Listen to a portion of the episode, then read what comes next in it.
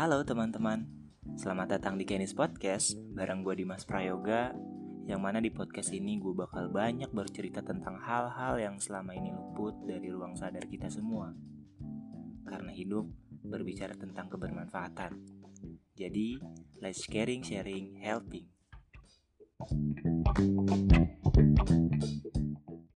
Lah, ngapain sih? Gitu aja nangis.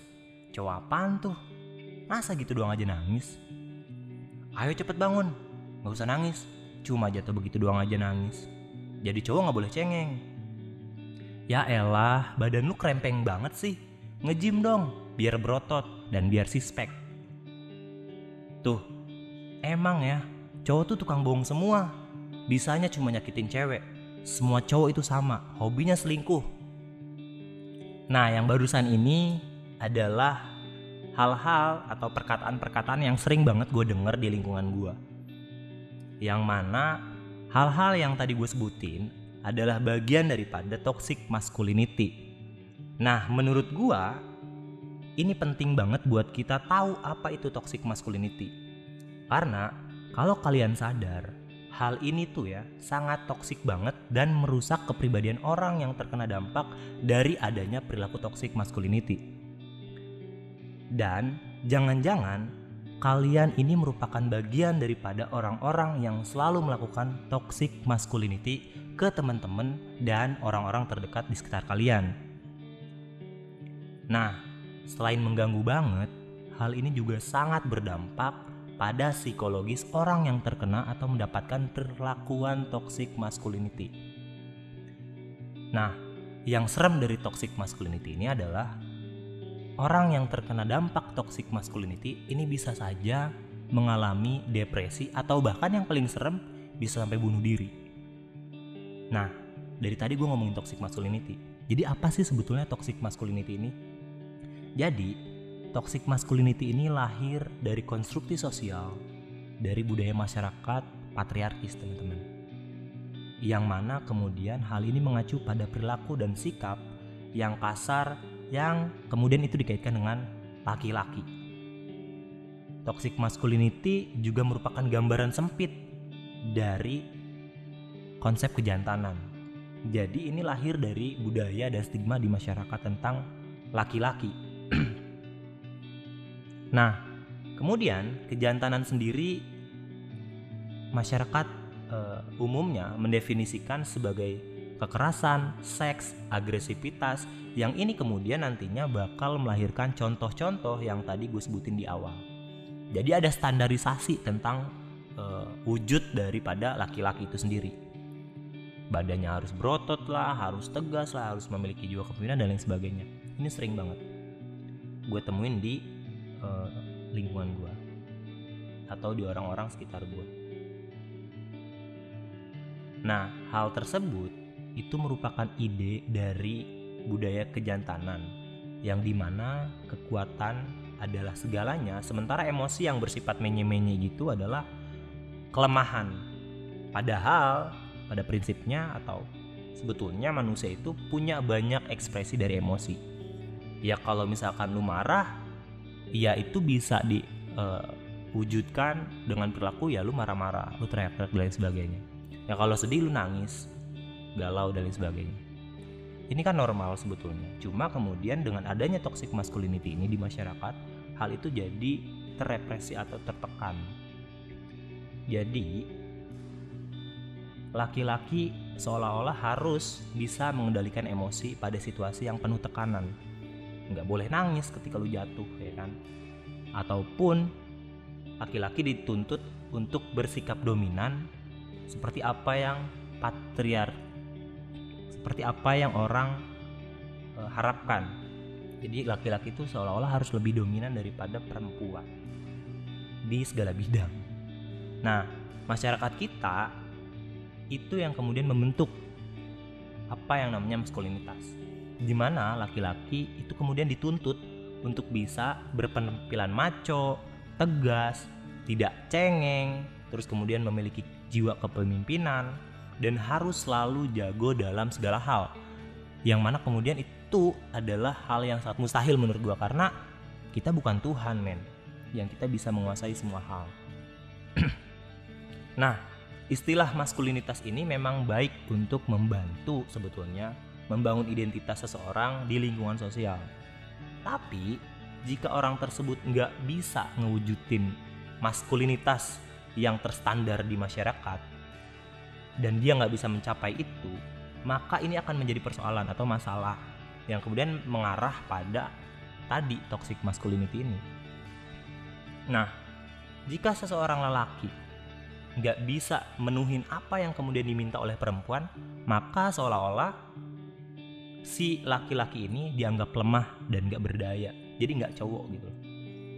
Nah, salah satunya contoh misalkan ketika seorang lelaki gak bisa ngangkat 10 galon yang berisi air gitu ya terus kemudian karena dia nggak kuat terus kemudian diledekin diolok-olok nah ini kan harus kemudian kita juga lihat sebagai hal yang nggak seharusnya kita lakukan nah sebetulnya gimana sih toxic masculinity jadi Nah sebetulnya dari mana sih kata toxic masculinity ini berasal? Dari tadi gue nyebutin toxic masculinity, toxic masculinity. Cuma kita harus tahu juga nih Ternyata istilah toxic masculinity berasal dari seorang psikolog yang bernama Stafford Bliss yang pada tahun 1990 dia melakukan sebuah penelitian yang kemudian dia memisahkan dan membedakan nilai positif dan negatif dari laki-laki.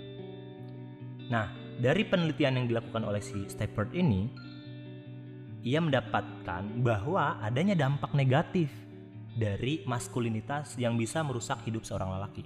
Jadi seolah-olah tekanan budaya atau stigma di masyarakat ini ternyata berdampak bisa jadi berdampak negatif terhadap si laki-laki.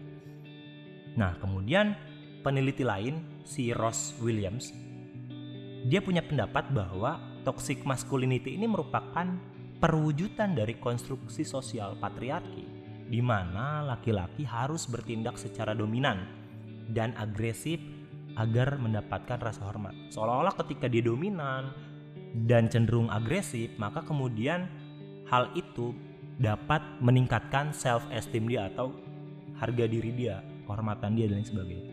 Nah ini ini yang harus kemudian kita uh, lihat dengan detail di masyarakat bahwa itu sebetulnya nggak harus begitu gitu. nah gimana nih cara ngubah persepsi tentang toxic masculinity? Artinya kan ini sudah menjadi budaya, sudah menjadi stigma di masyarakat gampang sih sebetulnya. Jadi sebetulnya kita harus sadar bahwa laki-laki itu nggak dilahirin untuk memiliki itu semua. Semua yang kemudian menjadi standar ini nggak ada. Laki-laki yang punya itu semua di dalam kepribadiannya ya. Ataupun dalam bentuk fisik misalkan. Memang ada cowok yang betul-betul dilahirkan manly banget gitu, punya karakter yang manly banget. Tapi ada juga yang lembut, lemah lembut gitu ya. Ada juga yang tegas, tapi ada juga yang kemudian maco ya. Terus kemudian ada yang kurus. Nah ini juga. Ada yang kurus. Nah ketika ada standarisasi bahwa cowok itu harus keker harus six pack gitu ya. Nah terus yang nggak nggak nggak maco dan nggak six pack ini bukan laki-laki. Ini kan harus juga kemudian kita pertanyakan. Jadi sebetulnya nggak ada nggak ada nggak ada yang salah gitu. Nggak ada yang salah dengan itu semua. Jadi tugas kita sebagai manusia adalah menghargai perbedaan itu jangan kemudian kita terpaku pada standar sosial yang sebetulnya itu merusak. Bisa saja bisa jadi merusak ya. Bahkan tadi dikatakan ketika orang e, mendapatkan perlakuan toxic masculinity itu bisa menyebabkan si orang itu sampai kemudian depresi. Bahkan yang paling mengerikan adalah sampai bunuh diri. Ini harus kita e, cermati juga. Nah kita bisa sebetulnya menghindari untuk tidak melakukan toxic masculinity dan kita juga tetap bisa jadi maskulin ya untuk para uh, laki-laki sebenarnya sebenarnya kita nggak usah malu men buat nunjukin emosi lu gitu. Ketika lu sedih ya udah nangis aja. Nggak apa-apa itu wajar banget sebagai individu sebagai manusia ya. Itu hal yang sangat alamiah menurut gua. Jadi menangis aja itu nggak apa-apa. Begitu juga dengan ketika lu malu gitu, dan lu nggak percaya diri ya nggak apa-apa gitu. Wajar kok. Dan lu tetap laki-laki walaupun lu nggak bisa menunjukkan itu semua. Dan sebagai sesama good man gitu ya udah selayaknya banget nih kita hidup saling bahu membahu bantu kawan kita yang sedang depresi dan bisa jadi butuh temen curhat jadi tetap kita dukung untuk ini terkhusus teman-teman ya yang yang mungkin merasa bahwa dia kurang pede, kurang percaya diri akibat adanya standarisasi dari toxic masculinity ini atau standar dari kelaki-lakian yang ada di masyarakat. Jadi eh, kita sebetulnya bisa menyebarkan hal-hal positif lain untuk kemudian menyadarkan teman-teman di sekitar kita, terutama mungkin perempuan ya, yang punya standar bahwa laki-laki itu harus maco, harus A, B, C, D gitu ya, harus six pack dan lain sebagainya. Enggak men, nggak bisa begitu karena kita pada dasarnya dilahirkan dengan bermacam-macam karakter, bermacam-macam bentuk fisik. Nah kita harus bisa menghargai itu. Jadi eh, mungkin itu aja yang bisa gue sampaikan di episode 2 kali ini tentang toxic masculinity. Mudah-mudahan ini menjadi hal yang bermanfaat untuk teman-teman yang dengerin podcast gue. Jadi terutama untuk laki-laki nih. Jadi lu harus pede men. Apa pun eh, pembawaan lu, bagaimanapun pembawaan lu gitu. Mau lu yang eh, sedikit feminim gitu ya, dengan karakter lu yang feminim gitu, lu nggak apa-apa men. Eh, you are man, lu tetap lu tetap laki-laki. Misalkan gue sih sering ini ya, sering apa sih? Sering menjadikan Onat sebagai laki-laki yang unik. Di satu sisi dia jantan men, dia udah nikah, dia udah punya anak, tapi pembawaan Onat itu agak uh, girly atau misalkan agak feminim gitu. Cuma it's okay gitu. Bukan berarti dia bukan laki-laki gitu. Itu poin yang pengen gue sampein. Bagaimanapun karakter dan pembawaan lu, lu tetap laki-laki ya. Jadi mungkin itu. Terima kasih. Uh, tetap luas, lugas, dan mengagumkan. Let's sharing, caring, helping.